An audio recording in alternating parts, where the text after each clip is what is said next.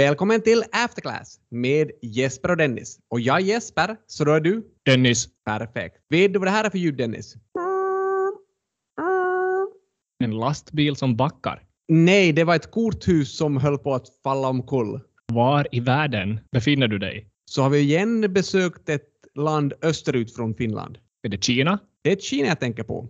Och det har varit väldigt aktuellt just nu med Evergrande, det här kinesiska byggbolaget. Det låter som ett stort, grandiöst bolag. Ja, stort är det, grandiöst är det, men de har också faktiskt en hel del skulder. Skulder kan ju bli problem om man får för mycket av dem. Och det är just det som håller på att hända här. Så det är ett kinesiskt byggjätte som har mycket skulder både från att de har tagit in lån från banker och marknaden överlag, men också så har de en hel del skulder till sina kunder.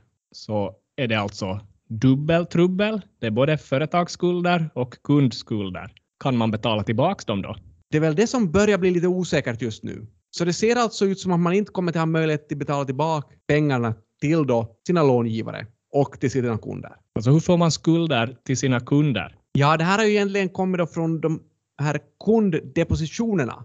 Så när du köper en lägenhet av det här byggbolaget så har du gjort redan en deposition på den här lägenheten. Så du har betalat ett litet förskott. Och tanken är väl då att man betalar det här lilla förskottet och så färdigställer bolaget din lägenhet eller det här lägenhetskomplexet. Okej, då börjar jag förstå lite så att det blir lite en negativ spiral då om man får lite kassaflödesproblem då man håller på och bygger. Man behöver bara mer och mer pengar och samtidigt byggs det här skuldberget upp då. Så det blir riktigt besvärligt till slut. Sen är det också så att när det här ryktet börjar komma ut att det här bolaget kanske inte är så solidt eller inte kanske kan betala sig tillbaka sina skulder, så då börjar ju förstås också kunderna undvika det här bolaget. Så då får man inget sålt alltså? Då minskar intäkterna? Ja, och då blir det bara ännu, ännu mera problem. I Kina vad jag förstått är det väl ganska vanligt det här att man placerar i lägenheter och styret i landet vill kanske också att man ska äga en lägenhet. Ja, styret i landet har också varit väldigt okej okay med att man tar på sig stora skulder för att köpa lägenheter. Så jag läste lite statistik att privata skulderna i Kina är 160 procent av BNP, vilket är betydligt högre än vad man har i USA och Finland. Vad, vad kan vi prata för siffror här då? Så USA stod det i studien, det var 85 procent och 115 procent i då inte Finland utan EU var det de här siffrorna på. Vad kan det här få för konsekvenser då riktigt? Behöver man vara orolig? Är det någonting som kan smitta av sig från Kina nu igen? Ja, vem vet? Men en sak är ganska säkert att det har ju tidigare utlöst kriser på grund av bostadskrascher. Så om det här på något sätt skulle göra att bostadsmarknaden i Kina kraschar, så då kan vi faktiskt få stora problem. Eller åtminstone Kina kan få stora problem. Jag menar, i Kina så är det just nu blod på gatorna. Det får ju en osökt att tänka på det där Terranos, bolaget. Jag tror vi har diskuterat det någon gång. Det här bolaget som hade som affärsmodell att istället för att ta mycket blod, då man ska ta ett blodtest för analys, så sa de att en droppe blod räcker. Ja, bolaget med Elisabeth Holmes i spetsen. Det där bolaget var en sån här Silicon Valley startup. Man eh, fick in extrema mängder kapital av väldigt rika människor, även om det rent medicinskt kanske inte fungerade. Var det till och med så att Elisabeth Holmes var den första kvinnliga grundaren av ett unicorn, alltså ett bolag med en värdering på över en miljard. Så var det visst. Man jämförde henne med Steve Jobs. Hon är den nya Steve Jobs och efter det började hon klä sig i svart polo och ha en märklig röst och stirrig blick. Men ja, vad är situationen med henne och Terranos just nu? Så det blev egentligen ett, ett bedrägerifall av det hela. Bolaget upphörde att existera mer eller mindre. Nu är det rättegång mot Elisabeth. Hon, vad det verkar, riskerar cirka 20 år i fängelse och en hel del böter. Eh, alltså kommer det här att verkligen gå till rättegång? Är det inte ganska så ofta i USA att man i princip kommer överens före rättegången? Ja, ganska ofta tar man väl någon sån där plea deal och betalar bort det hela. I det här fallet har experter också sagt att kanske Elisabeth skulle göra bäst att göra så. Men det verkar som att hon har lite större riskaptit än alla andra för att hon valde rättegångsvägen. Till på köpet är hon gravid, eller hon har varit gravid rättegången har skjutits upp på grund av det och eh, covid. Hon har nu fött det här barnet, så hon kommer att sitta i den här rättegångssalen med sitt nyfödda barn också. Oklart om, om det kan påverka vad juryn säger. Så det känns verkligen som hon gör allt för att vinna juryns gunst. Jag hoppas att det finns något annat som hon också har som strategi. Jo, absolut. Hon kör också den där gamla vanliga att skylla ifrån sig och säger att det är kanske ex-pojkvännens fel att det blev lite så här. Att hon blev lite förpushad från bland annat honom och, och andra personer och att hon var mer intresserad av att faktiskt hjälpa människor. Men nu gick det som det gick och vi får se hur rättegången utspelar sig. Ett annat case, också från USA, som vi har diskuterat tidigare, så var ju det där Nikola Corporation. Vi hade någon diskussion en gång om mannen med två förnamn, den här Trevor Milton, äh, som ledde bolaget. Han fick ju också lite smuts kastat på sig och det var lite risk för rättegång där också. Så Nikola var ju i princip lite så här syskonbolag till Tesla. Så de hade väl skapat någon typ av eldrivna lastbilar. Ja, eller var det just det här vätgasdrivet som var deras grej? Frågan var väl om de var egentligen drivna av någonting. I alla fall verkar de rulla bra i nedförsbacke. De börslistades ju genom en sån där SPAC de också. Vad det visade sig sen var det mest att man ville lura individuella investerare. Trevor Milton nu då blev anklagad för att ha ljugit om nästan allt i bolaget. Man ansåg att han motiverades till det här bedrägeriet för att han skulle kunna bli rikare själv helt enkelt och få högre status. Hur var det nu? Elisabeths rättegång var ännu framför oss. Hur är det med Trevors rättegång? Ja, den blev faktiskt aldrig av då, utom han sa bara att jag är inte skyldig till det här. Vad säger ni pojkar? Om jag betalar 100 miljoner, kan jag gå fri då? Och då sa man i princip att jo, det får du. Så han använde i princip fastigheter som han hade köpt och haft råd med genom sin rikedom via Nikola för att bli fri från bedrägerianklagelserna. Så det, det känns smidigt. Frågan är kanske om det känns rätt. Aktiepriset på det här bolaget toppade nästan där kring 100 dollar. Idag kring 10 dollar. Vi har sett flera priskrascher före det. Det är väl som vanligt de individuella investerarna som eh, får lida mest. Ja, inte det är ju alltid bara de individuella investerarna som får lida. För i Evergrande-fallet så fick ju också kunderna lida en del. Det finns ju också andra exempel då kunder har fått lida. vi kan bege oss till Finland då.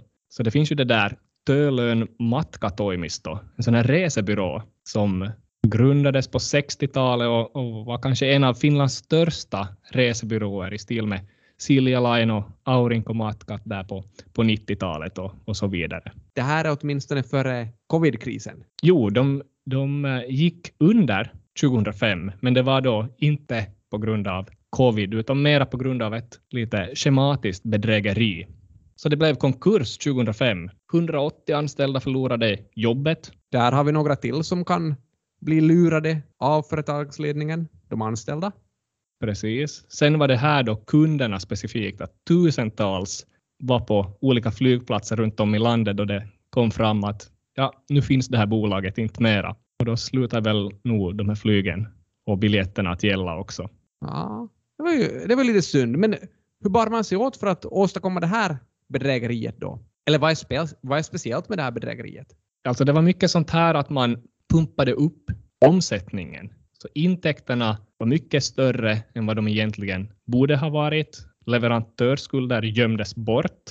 Man gjorde det mesta för att i princip kunna plocka ut stora dividender ur företaget. Så det var företagsledningen som förfalskade lite bokföringen för att kunna ta ut stora dividender, men också så att bolaget skulle kunna lyfta mera banklån.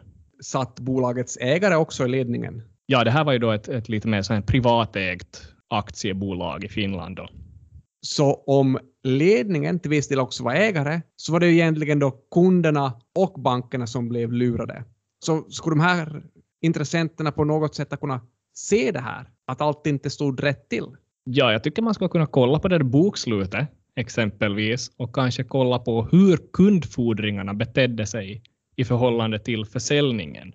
Om man går några år före konkursen så noterar jag att kundfordringarna utgjorde cirka 8 procent av försäljningen. Går man tre år framåt, året före konkurs, så är den där siffran uppe i 17 procent. Man kan ju också använda ett sådant där mått som heter eh, kundfordringarnas omloppstid, där man egentligen tar då kundfordringar gånger årets dagar, 365, och dividerar med omsättningen. Så då får man en sån här siffra att i början hade man kundfordringars omloppstid, att så länge det tog för kunderna att betala räkningar, det var 30 dagar. Sen två år senare var det mitt i allt 60 dagar.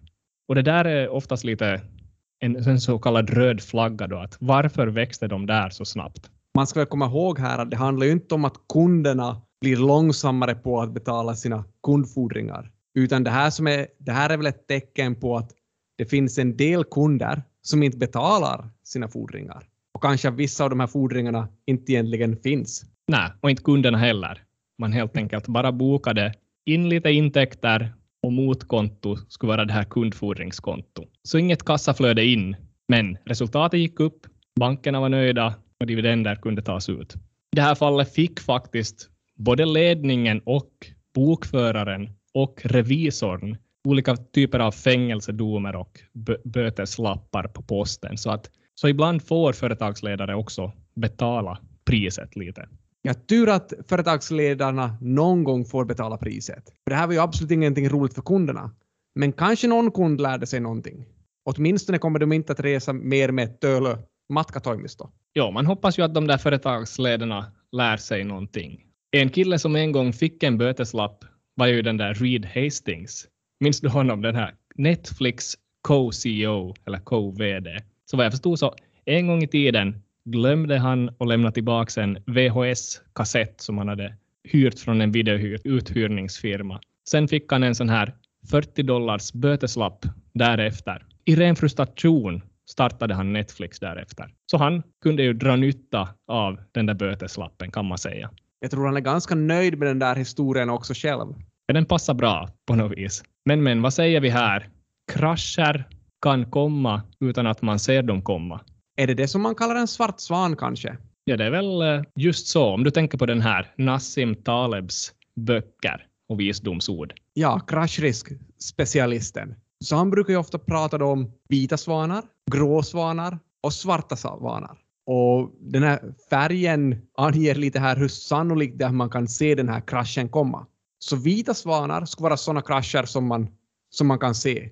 Så i vårt fall, vi skulle kunna förutspå den där Töölön matkatoimisto, om vi ska kolla på kundfordringarna. Nikola kanske vi skulle kunna förutspå om vi analyserar lite om de där vätgasdrivna lastbilarna hade någon motor. Ja, så det ska vara vita svanar. Grå svanar är kanske sådana här risker som vi vet om, men vet kanske inte när de kommer att inträffa. Som en viruspandemi. Ja, exakt. Som covid-pandemin. Och sen kommer vi då till de här riktigt häftiga svarta svanarna, som är egentligen då risker eller krascher som vi inte kan förutspå på basen av den information som vi har. Den här Taleb brukar väl ha det där exemplet med kalkoner som föds upp och mår väldigt bra. De får mat och husrum varje dag i hela sitt liv, ända tills det vankas Thanksgiving. Och i kalkonens huvud så kunde han inte förutspå att den här personen som gett mig mat varje dag plötsligt skulle ge mig något annat mycket kallare. Sådana här stora börskrascher är väl en parallell? Och vissa av de börskrascherna, som till exempel den här pandemikraschen, var kanske en gråsvan. Finanskrisen 2007, 2008, det var kanske också en gråsvan. Det här var något problem som vi kunde ha förutspått. Så ofta är de här krascherna kanske gråa svanar. En krasch som man faktiskt påstår att är en svart svan är den här marknadskraschen 1987. Så alltså den här måndagen när S&P 500 plötsligt tappade över 20 procent. Just när sådana här extremt stora då, krascher uppstår så uppstår det ofta, precis som i Evergrandes fall, att det blir någon typ av systemrisk. Att den här kraschen, som till exempel i Evergrandes fall, kan orsaka så här sidoeffekter som kan bli helt okontrollerbara. Det finns ju på något vis någon slags liten koppling mellan det där Evergrande-caset och kanske hur hela den där 2008 finansiella krisen startade. Man kan se likheter det här. Vi har Lehman Brothers på en sida och så vidare. Har du hört annars det där att Warren Buffett blev i princip uppringd av Lehman Brothers där våren 2008 och då Lehman Brothers frågade honom att skulle vi kunna få ett lån av dig? Vad sa Warren då? Han sa nog bara att ni har alldeles för många röda flaggor i ert bokslut så att nej tack. Kanske man är ganska framgångsrik om man som privatperson blir uppringd av en bank och banken frågar om vi kan få ett lån av er. Kanske det är någonting som kommer att hända i After Class, podcastens historia också. Vad vet man? Vi måste kanske göra som så att vi avslutar och fortsätter nästa vecka med nya insikter i After Class.